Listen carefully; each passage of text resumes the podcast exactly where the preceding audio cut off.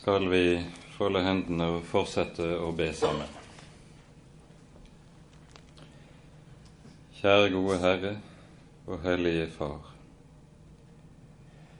Takk på ny for all din nåde og all din godhet imot oss. Takk, Herre, at du har gitt oss din egen sønn, for at vi skal få lov til å bli dine barn i ham. Takk, Herre, at du ikke sparte ham, ditt eneste, din enbårne, men ga ham for oss alle. Og derved har du lovet å gi oss alle ting med ham. Herre, Herre, du som tar deg av syndere, nå ber vi at du på ny ved din nåde og ved din Hellige Ånd vil være til stede hos oss, og at du for din store trofasthets skyld vil lukke opp ordet ditt og la oss få se inn i din frelses hemmelighet. Herre, du som lar din kraft fullendes i skrøpelighet. Vær også med min munn og min tanke, at jeg rett kan få tale dine ord. Det ber vi, Herre, i Jesu navn, og takker og lover deg fordi du er god, og fordi din miskunnhet varer til evig tid. Amen.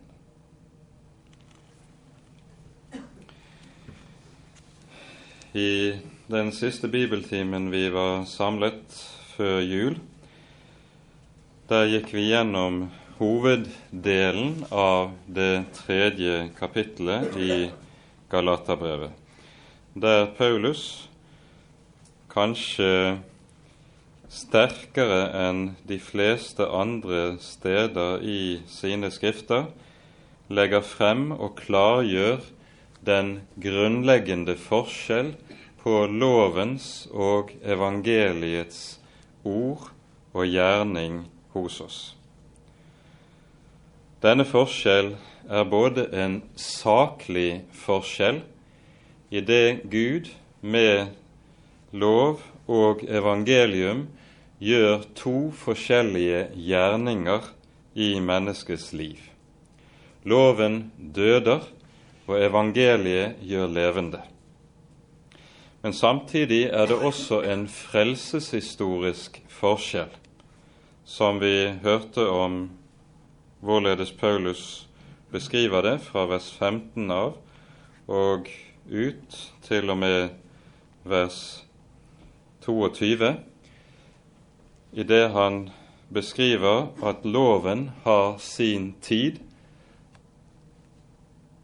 som noe som tilhører den gamle pakts tid, Israels tid i frelseshistorien, i det Israel også blir et forbilde for oss i troen. Og slik kommer det som skjer med Israel under trelldommen under loven, til å bli noe av en skole, en Guds skole for oss. Deretter kommer vi over til avslutningen av det tredje kapittel, som vi ikke rakk da sist gang, og som vi kommer til å se nærmere på i dag, sammen med begynnelsen av det fjerde kapittelet. Og Da leser vi nå for sammenhengens del fra kapittel 3 vers 24 og ut gjennom kapittel 4 til og med vers 7 så er da loven blitt vår tuktemester til Kristus, for at vi skulle bli rettferdiggjort av tro. Men etter at troen er kommet, er vi ikke lenger under tuktemesteren. Alle er dere jo Guds barn ved troen på Kristus Jesus. For dere, så mange som er døpt til Kristus, har ikledd dere Kristus. Her er ikke jøde eller greker. Her er ikke trell eller fri. Her er ikke mann og kvinne. for dere er alle én i Kristus Jesus. Men hører dere Kristus til, da er dere jo Abrahams ett, arvinger etter løftet. Men jeg sier, så lenge arvingen er barn, er det ingen forskjell mellom ham og en trell, enda han er herre over alt sammen. Men han er under formyndere og husholdere inntil den tid som hans far forut har fastsatt. Således var også vi den gang vi var barn, trellbundet under verdens barnelærdom. Men da tidens fylde kom, utsendte Gud sin sønn, født av en kvinne, født under loven, for at han skulle kjøpe dem fri som var under loven, for at vi skulle få barnekår. Og fordi dere er sønner, har Gud sendt sin Sønns ånd i våre hjerter, som roper Abba, Far så er du da ikke lenger trell, men sønn. Men er du sønn, da er du òg arving ved Gud. Amen. I det avsnittet vi her har lest, ser vi nå først hvorledes Paulus i vers 24 og 25 avslutter og drar konklusjonen av det han tidligere har skrevet om lovens begrensede tid og begrensede gyldighet. Loven har ikke sitt mål i seg selv. Tvert om, den har et annet mål. I Romerbrevets tiende kapittel sier Paulus slik i vers 4.: Kristus er lovens ende til rettferdighet for hver den som tror. Og dette ordet som i, i hvert fall i de gamle biblene er omsatt med ende, det betyr bokstavelig endemål eller mål. Kristus er lovens mål. Loven er altså av Gud gitt med den hensikt å føre til Kristus. Og har den først fått lov til å gjøre denne gjerning, da har den også fullført sin gjerning. Derfor er det også slik at den som er hos Kristus, den som er i Kristus, han er ikke lenger under loven. Legg merke til det som sies her i vers 25. Etter at troen er kommet, er vi ikke lenger under tuktemesteren. Det er en avgjørende del av frelsen at det å være en kristen, det er å være fri fra loven. Og Her taler Det nye testamentet meget klart og meget sterkt. Vi har vært inne på det tidligere også. Et menneske kan bare være i ett av to riker. Enten er du under loven, eller så er det under evangeliet, dvs. Si i Kristus. Og her er det et absolutt enten-eller. Den som er i Kristus, er fri fra loven. Den som er under loven, han har ikke del i Kristus. Og Det betyr i praksis at den som er under loven, får heller ikke syndenes forlatelse. Han har ikke rett på noen nåde. Han er tvert om skyldig til Gud til å oppfylle hele loven til fullkommenhet. Det er vilkårene under loven. Loven kommer nemlig bare med krav. Den bare krever, og den gir ingenting. Heller ikke er det slik at Gud gir mennesket noe hjelp eller noen kraft til å oppfylle loven. det er jo gjerne slik at den som blir seg bevisst å være under og komme inn under loven, han tenker alltid til å begynne med, og ber alltid til å begynne med om at Gud må gi ham kraft til å fullbyrde det han krever. Men saken er Gud gir aldri kraft til å oppfylle sin hellige lov. Er du under loven, da er du henvist til å oppfylle loven alene. Det er deg loven krever noe av, ikke av Gud. Motsatt er det slik at den som er i Kristus, han er fullkomment fri fra loven. Det står i Romerbrevets åttende kapittel, som vi så vidt var innom sist gang også, slik Det som var umulig for loven, idet den var maktesløs ved kjødet, det gjorde Gud, idet Han sendte sin sønn i syndig kjøds lignelse for syndens skyld, og fordømte synden i kjødet.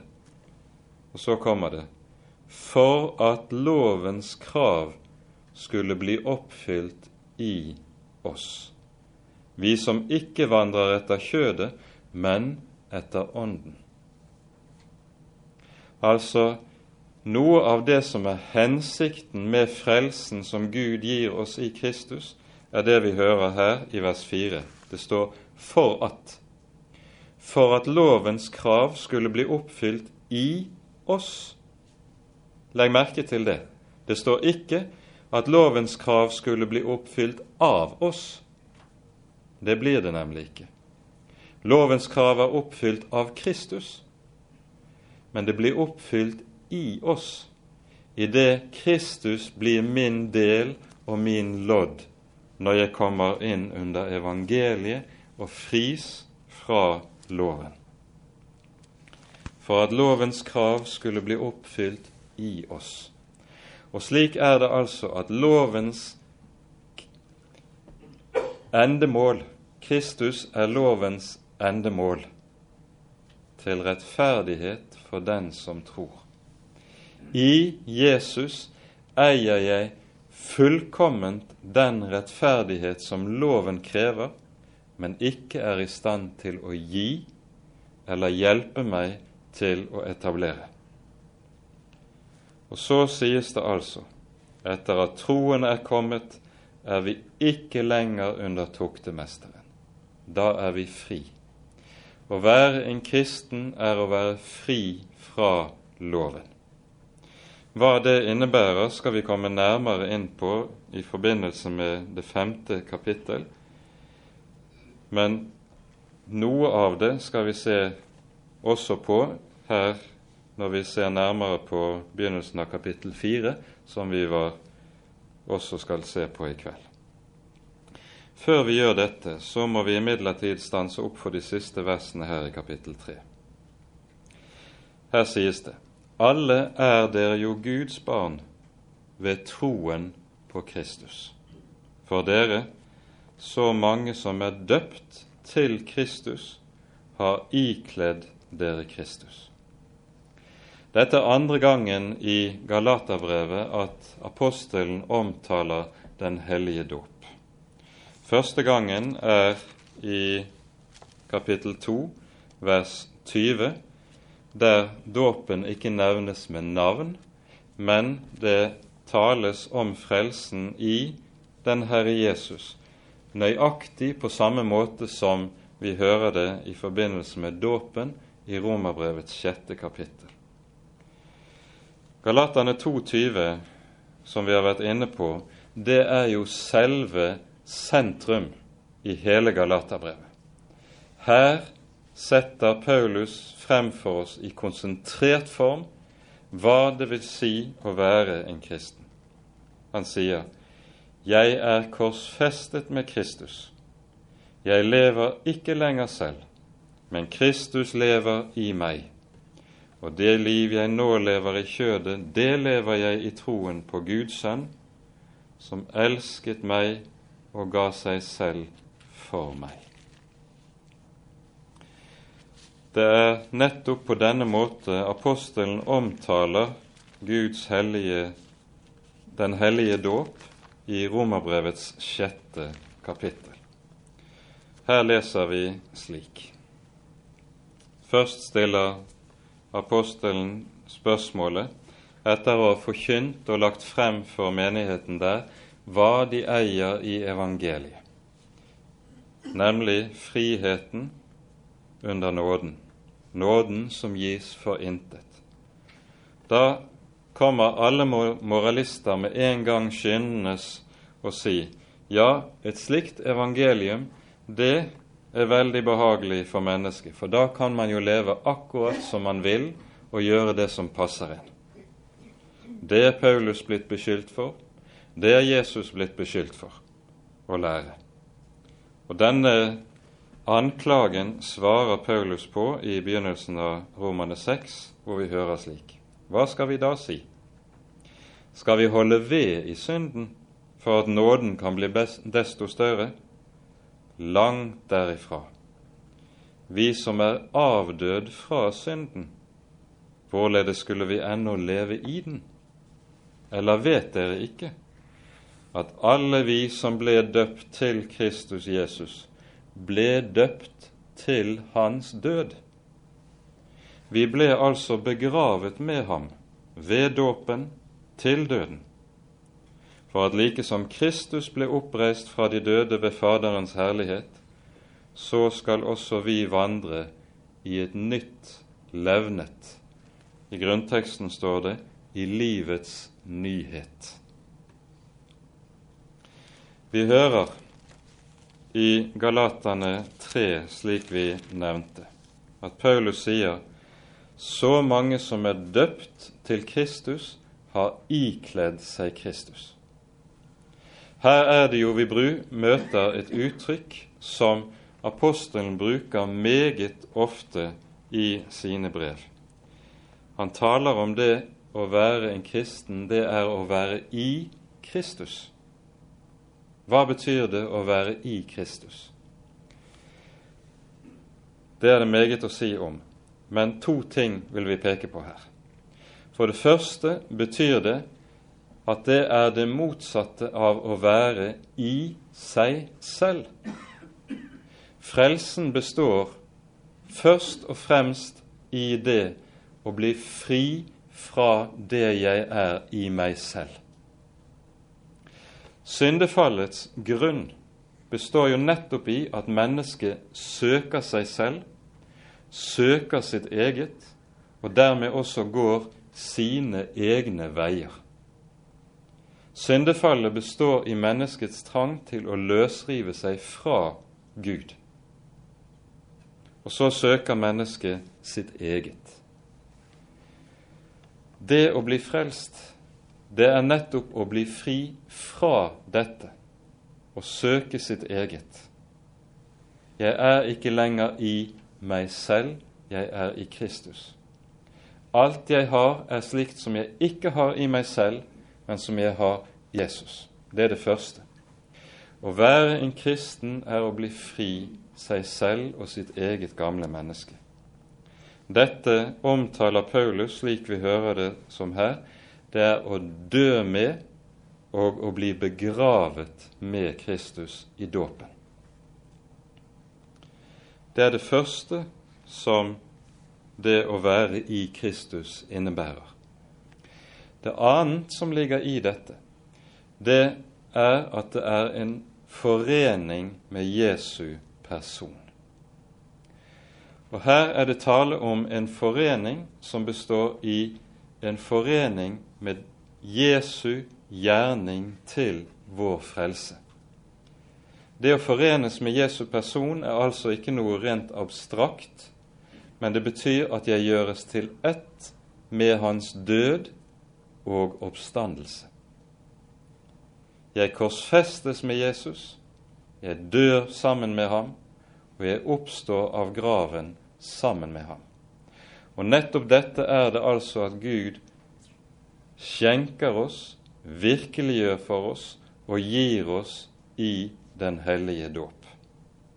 I tråd med dette er det Den lutherske kirke kaller dåpen for et nådemiddel. Jesus sier om dåpen slik Den som tror og blir døpt, skal bli frelst. Den som ikke tror, blir fordømt. Dermed lærer Jesus tydelig og klart at når dåpen ledsages av troen, da er dåpen en Guds gjerning og handling til frelse. Dåpen er et nådemiddel. Derfor skal vi aldri tale ringe om dåpen eller nedsettende om dåpen. Dåpen er en stor gave, for i dåpen gjør Gud det som vi også leser om i Romerbrevets sjette kapittel. Han poder deg og meg inn på vintreet som er Kristus. I Romane 6,5 brukes det et uttrykk som nettopp betyr å bli podet inn på et nytt tre, en ny stamme, og det er Jesus. Da kunne vi spørre, slik Luther gjør det i Lille katekisme, hvordan kan vann virke så store ting? Og så svarer Luther på det. Vannet gjør det vel ikke, men Guds løfte som kommer sammen med vannet. Vannet har ingen kraft eller makt i seg selv. Men fordi Jesus har gitt sitt løfte, knyttet sitt ord og sitt løfte sammen med denne handling, derfor har dåpsvannet denne kraft til å skape det nye livet, forene oss med Kristus, slik at den som lever i dåpen og troen, også er ikledd i Kristus. I dåpsbefalingen eller misjonsbefalingen, som vi leser i Matteus 28, sier Jesus, som vi husker, meg er gitt all makt i himmel og på jord.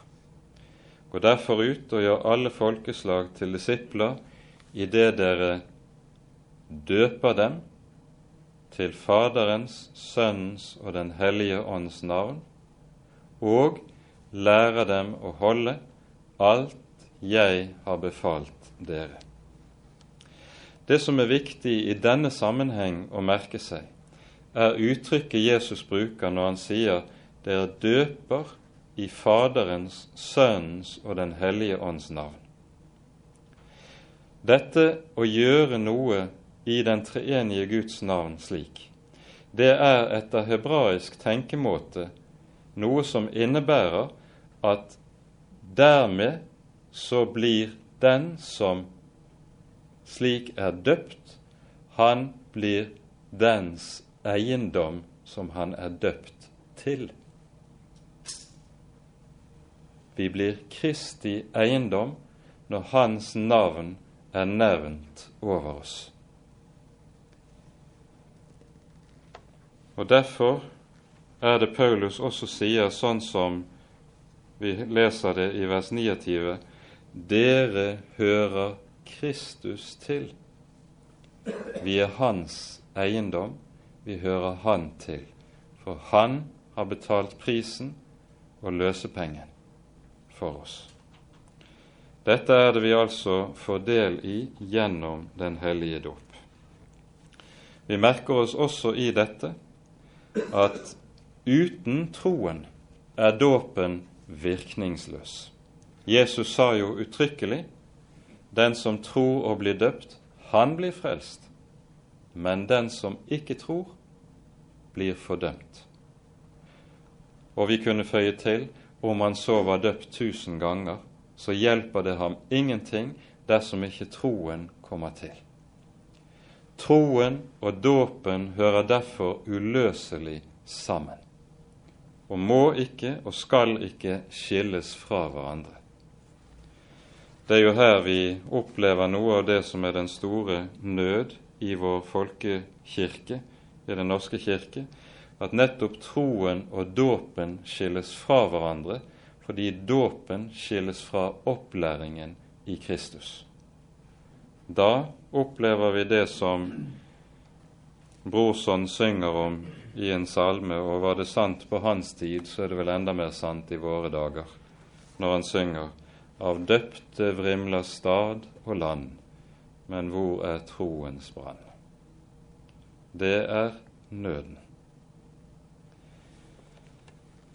Men misbruk av Guds nådemiddel, av dåpen, skal ikke hindre oss i å tale rett om dåpen slik at vi også kan bruke dåpen rett etter Herrens innstiftelse. Så meget får være sagt om denne sak. Når Paulus nå har pekt på dette, så hører vi ordene i vers 28, som da det lød inn i samtiden, sannelig var ord som var revolusjonerende. Her er ikke jøde eller greker. Her er ikke trell eller fri. Her er ikke mann og kvinne. For dere er alle én i Kristus Jesus. Legg for det første merke til at når Paulus her taler om de troendes enhet, så er dette knyttet sammen med det som han sa om dåpen i det foregående vers. Nettopp samme sak er det som vi hører og lærer i første Korinterbrev i det tolvte kapittel, når Paulus her sier slik Vi er jo alle døpt med én ånd til å være ett legeme. Enten vi er jøder eller grekere, enten vi er treller eller frie. Og vi har alle fått én ånd å drikke. I den antikke samtid så høre, kan man høre filosofer tale om hvorledes de er takknemlige for at Gud ikke har skapt dem til barbarer, at de ikke er født som treller, og heller ikke født som kvinner. En av de rabbinske lærde på hundretallet, rabbi Meir, sier likeledes tilsvarende at en from jøde tre ganger om dagen bør takke Gud for at han ikke har skapt ham som hedning og ikke har skapt ham som kvinne. Noe tilsvarende finner vi ikke det minste spor av i Det nye testamentet. Her hører vi tvert om dette som sies i vers 28. Her er ikke jøde eller greker. Her er ikke trell eller fri. Her er ikke mann og kvinne. Enten man er barbar, som var navnet på alle som ikke var, hadde en del av den greske kulturen i oldtiden, enten var man, man var barbar eller greker, eller man var jøde, enten en var trell, fri, mann, kvinne. En hadde uavhengig av alle slike menneskelige forskjeller, samme verd for Gud. Alle er like meget verd i Guds øyne, fordi Jesus uten forskjell også er død for alle, helt uavhengig av rase, etnisk herkomst, kjønn eller stand. Jesus er død for alle uten forskjell, og har derfor også elsket alle like høyt. Og dette er helt grunnleggende i Bibelen, og danner noe av bakgrunnen for det som er den kristne tros tale om menneskets verd, som gjelder alle, helt uavhengig av de forskjeller vi ser på jorden. Her er det virkelig slik som vi hører Paulus si i Romane 3, og som det ble lest fra innledningsvis. Når Paulus sier 'det er ingen forskjell', sier han. Alle har syndet og står uten ære for Gud.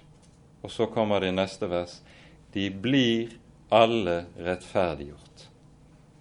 Uforskyldt av Hans nåde ved troen på Kristus Jesus. Det er to områder i livet der det ikke er noen forskjell. Det er nettopp på dette ene for det første.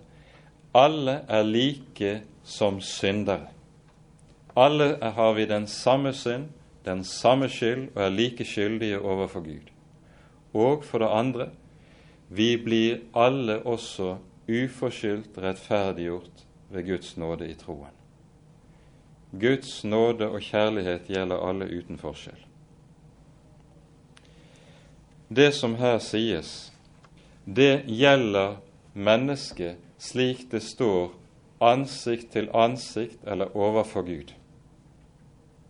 Men, og her er det et stort men, det gjelder ikke på, holdt på å si, det horisontale plan. På det horisontale plan vil det alltid være forskjeller mellom menneskene. Ikke i den forstand at menneskene ikke har likt verd, men i den forstand at menneskene har ulikt kall. Ikke alle skal ha alle slags tjenester.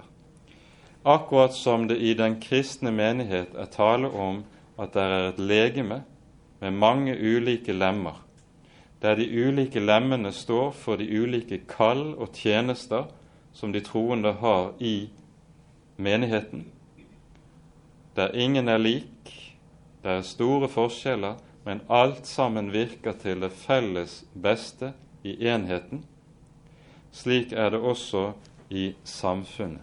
Det er ulike kall, ulike gjerninger og ulike oppgaver, og skal og må så være for at livet i samfunnet overhodet skal kunne fungere. Det apostelen her sier, det skal altså ikke brukes som et ord som opphever forskjeller som det alltid må være i livet rent mellommenneskelig. Da misbruker man ordet. Men ordet gjelder som en grunnleggende del av talen om menneskeverdet og alle menneskers like verd og stilling overfor Gud. Dermed tror jeg vi forlater kapittel 3 og hopper til kapittel 4. Vi hopper over de tre første versene, for de har vi i grunnen behandlet i det tredje kapittel, og kommer så til vers 4. I de tre første versene her sammenfatter apostelen den frelseshistoriske eh, mellomperiode som han kaller for å være trellbundet under verdens barnelærdom, om som nå er avløst av frelsens tid. Og så hører vi da tidens fylde kom, utsendte Gud sin sønn født av en kvinne, født under loven, for at han skulle kjøpe dem fri som var under loven, for at vi skulle få barnekår. Her beskrives Jesu gjerning for oss. Det er ikke tilfeldig at denne teksten som vi her har for oss i Galatane 4, den er en fast tekst i preken, eller i tekstrekkene på nyttårsdag. Den er episteltekst etter første rekke. For på nyttårsdag, åttende dagen etter juledag, er det vi hører om Kristi omskjærelse. Og Det som kjennetegner omskjærelsen, er jo nettopp at den som blir omskåret, han legges inn under loven. Det som altså skjer med Guds sønn den åttende dagen, det er at da når han omskjæres, så legges han inn under Guds hellige lov. Og stans et øyeblikk opp for hvilket under dette egentlig er. For hvem er det lille barnet som blir omskåret, som lå i krybben? Vi hører engelen si til hyrdene på marken, dere er i dag en frelser født, som er Kristus, Herren. Og når Jesusbarnet kalles for Herren, så gir jo engelen ham dermed det som er Det gamle testamentets Guds navn. Det som ble åpenbart for Moses foran tårnebusken. Jeg er den jeg er. Det er Guds navnet som ligger i navnet Herren. Og når Jesus kalles Herren, så sier engelen dermed at dette barn som ligger i krybben, det er Gud, Herren selv. Himmelens og jordens skaper. Han som kalte Moses ved tårnebusken, og som ga sin hellige lov til Israel ved Sinai. Og Det som er det underbare, er nå at han som ga loven, som er lovens giver, og som taler fra berget på Sinai, han fødes nå som menneske for å bli lovens oppfyller. Han som som Gud er lovgiver, fødes som menneske under loven for å oppfylle som lovens trell, så å si. Det er det som ligger i budskapet om Kristi omskjærelse.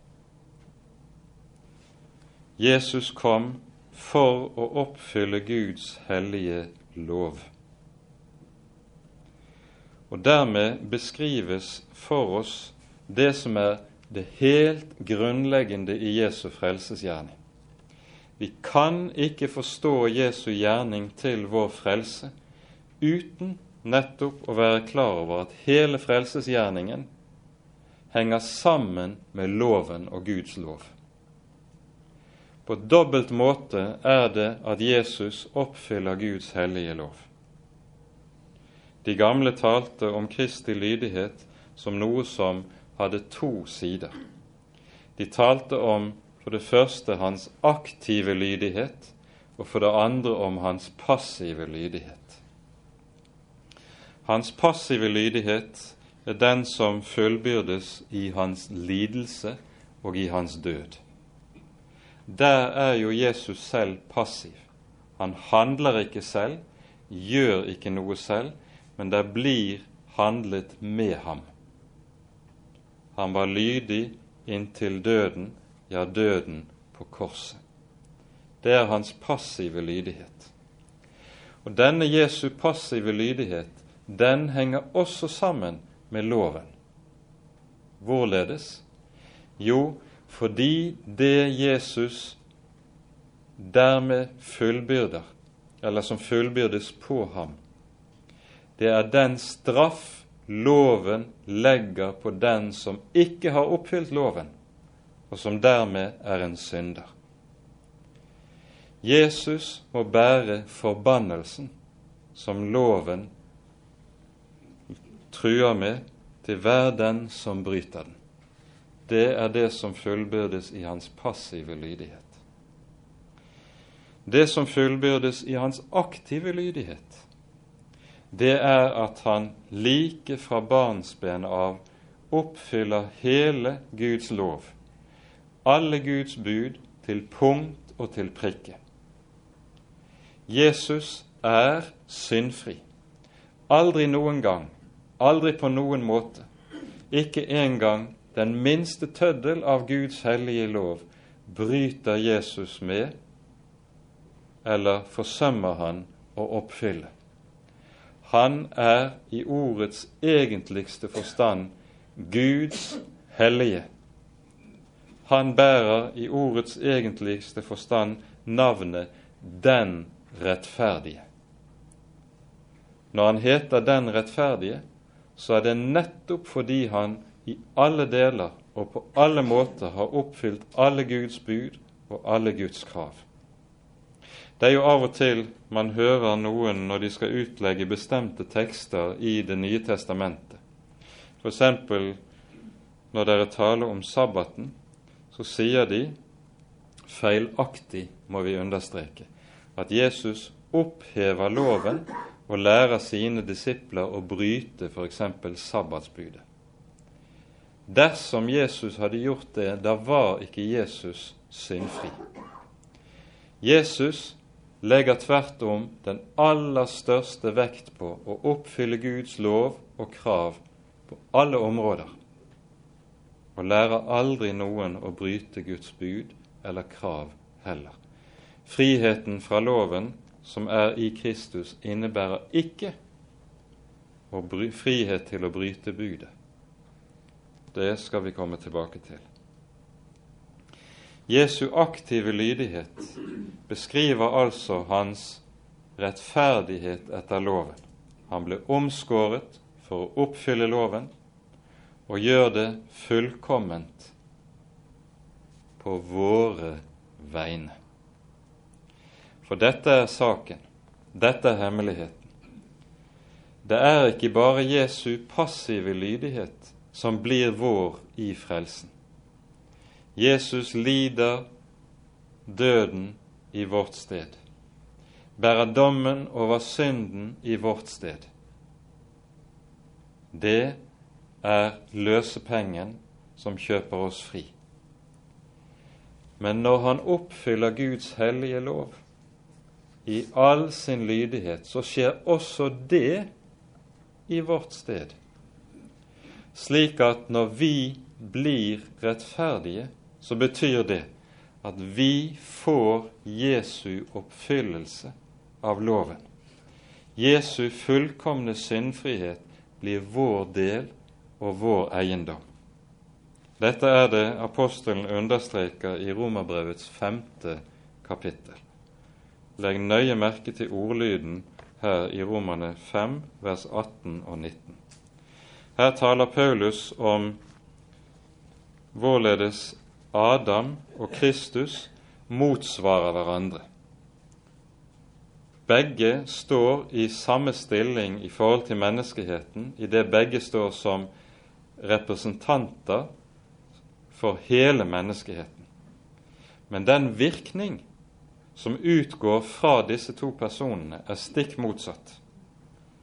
Så hører vi Paulus altså si.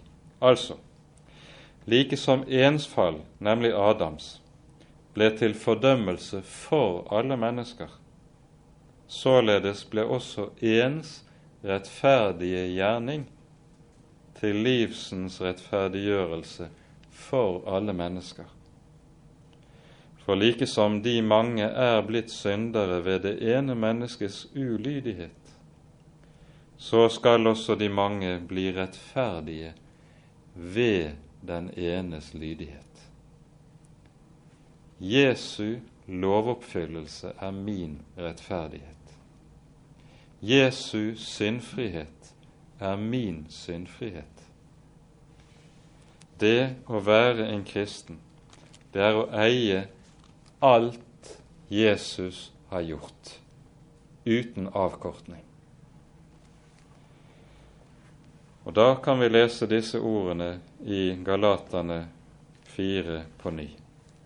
Da tidens fylde kom, utsendte Gud sin sønn, født av en kvinne, født under loven, for at han skulle kjøpe dem fri som var under loven, for at vi skulle få barnekår. Her er det uttrykket og ordet barnekår dukker opp. Og dette ordet, eller begrepet, står i motsetning til et annet begrep som vi møter i vers 7, der Paulus taler om å være trell. Trellekår, det er det motsatte av barnekår. Trellekår, det hører inn under loven. Barnekåret, det hører inn under evangeliet. Og Nå er det slik at det å være trell og det å være barn, det skjønner vi, det er to vidt forskjellige stillinger et menneske kan stå i. Juridisk er det helt forskjellig, og også rent medmenneskelig. Hva er det som kjennetegner trellen, slik vi kjenner ham fra antikken?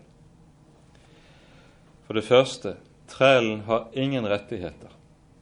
Han har ikke krav på noe som helst, på å få noe som helst. Skal han i det hele tatt få mat og få klær, han eier intet, han er jo selv eid av en annen. Skal han i det hele tatt få mat og klær og det han trenger for å berge livet, så er han nødt til å gjøre sin Herres vilje. Hvis han ikke gjør sin Herres vilje, får han intet, bare straff og slag. For mange mennesker beskriver det vi her hører om trellen, nettopp deres gudsforhold. De tenker om forholdet til Gud slik at forholdet til ham nettopp er betinget av hva jeg gjør. Dersom jeg klarer å seire over mine synder, da er Gud meg nådig. Men dersom jeg faller i synd, da rynker han på brynene og vil ikke lenger høre mine bønner. Dersom jeg lykkes i å be og lese Bibelen, da vil Gud se til meg. Men dersom det går skralt med bibellesningen og annet som jeg synes jeg burde gjøre som kristen, da vil Herren ikke lenger se til meg. Når jeg tenker slik, da tenker jeg og lever jeg nettopp som trær. Guds faderhjerte blir likesom avhengig av hva jeg gjør. Det er betinget av min lydighet. Men Guds nåde er ikke betinget av min lydighet hvis jeg er barn.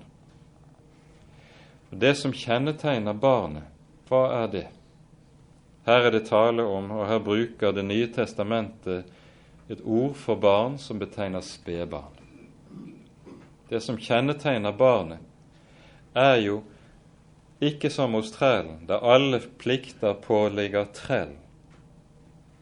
Når det er tale om barn, så påligger alle pliktene foreldrene. Foreldrene skal gi barnet alt hva det trenger, klær, mat, opphold og sørge for barnet i stort og smått, uten at barnet må gjøre noe som helst til eller fra. For intet får barnet alt. Hvorfor? Rett og slett fordi det er barn, ikke fordi det har gjort det ene eller det annet. Barnet, det får alt fordi alle forpliktelser i dette forhold ikke ligger på barnet, men nettopp på foreldrene. Og det beskriver det som er barnekåret under evangeliet. Han skulle kjøpe dem fri som var under loven, for at vi skulle få barnekår. Å være barn, det er å leve i den frihet at jeg vet at Guds faderkjærlighet mot meg aldri er betinget av meg, av min seier over mine synder, av min lydighet, av min kristendom, at jeg får til å leve som jeg synes en kristen skulle leve. Nei. Om jeg mislykkes aldri så meget som kristen, er jeg barn, så står Hans faderkjærlighet like fast. Og det går aldri så dårlig med meg i kampen mot synden, er jeg barn, så står Hans faderkjærlighet og er den samme. For den er ikke avhengig verken av mine seire eller mine nederlag. Jeg får det for intet. Og fordi dere er sønner, har Gud sendt sin Sønns ånd i våre hjerter, som roper 'Abba, Far'. Guds hellige ånd hører barnekåret til. Og budskapet om Den hellige ånd er noe som nettopp hører sammen med evangeliet. Her er det vi i dag møter noe av det som er meget av ulykken i stor, mye kristen forkynnelse at den knytter budskapet om Den hellige ånd sammen med loven. Du skal få Den hellige ånd bare du er riktig flittig og riktig lydig. Det er trelldommens ånd, det. Og den roper ikke Abba, far. Budskapet om Den hellige ånd, slik vi hører det i Det nye testamentet, er en del av evangeliet. Ånden gis for intet. Og så skal vi merke oss at nettopp talen om Den hellige ånd som barnekårets ånd er noe av det aller viktigste i Det nye testamentet. I dag er det jo gjerne slik at når det er tale om Den hellige ånd, så tales det først og fremst om Ånden som kraft. Og da nemlig som kraft til å gjøre det ene og det annet. Åndens gave blir dermed noe som meget fort, når det er den slags tale som føres, som leder inn i trelldom og binder men, kristne mennesker i slit og i strev. Det nye testamentet taler meget lite om Den hellige ånd som kraft. Desto mer om Den hellige ånd som barnekårets ånd. Om den ånd som nettopp kjennetegner det lille barnet som i sin hjelpeløshet er avhengig av at far gjør alt som ikke trenger dopingsprøyter for å klare enda mer på lydighetens vei. Den hellige ånd er barnekårets ånd som roper Far, og som har det som kjennetegn at han på ny og på ny åpenbarer Kristus. Han skal herliggjøre meg, sa Jesus når han talte om Ånden. Han skal herliggjøre meg, for han skal ta av mitt og kunngjøre dere. Ånden er ikke primært noen kraft som skal gi oss enda mer innsprøytning til å stå på. Ånden er et lys som skal hjelpe oss til å se mer og mer av hva vi eier i evangeliet om Jesus. Det er først og fremst slik vi skal tale om Den hellige ånd. Og det er slik vi skal be om Den hellige ånd. At Han må gis av Gud, slik at vi kan få lys over hva vi eier i evangeliet, hva vi eier i Jesus. Og det lyset er noe som aldri er selvsagt. Det lyset er noe som på ny og på ny likesom må lukkes opp for oss. For evangeliet, det er noe som aldri kan beherskes av oss. Det er aldri noe vi kan. Derfor er det noe som nettopp må lukkes opp og lukkes opp på ny og på ny og på ny. Og det kan bare skje ved Ånden, ved barnekårets ånd. Vi har fått den ånd som er av Gud, for at vi skal kjenne det som er oss gitt av Gud, sier Paulus i første kor to.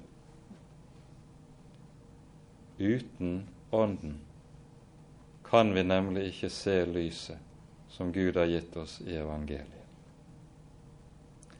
Fordi dere er sønner, har Gud sendt sin Sønns ånd i våre hjerter, som roper 'Abba, Far'. Og så kan barnet få lov til å hvile i fars store omsorg, vel vitende at om barnet har vært ulydig, så er far trofast, selv om jeg er troløs. For han kan ikke fornekte seg selv. Ære være Faderen og Sønnen og Den hellige ånd, som var og er og være skal, en sann Gud, høylovet i evighet. Amen.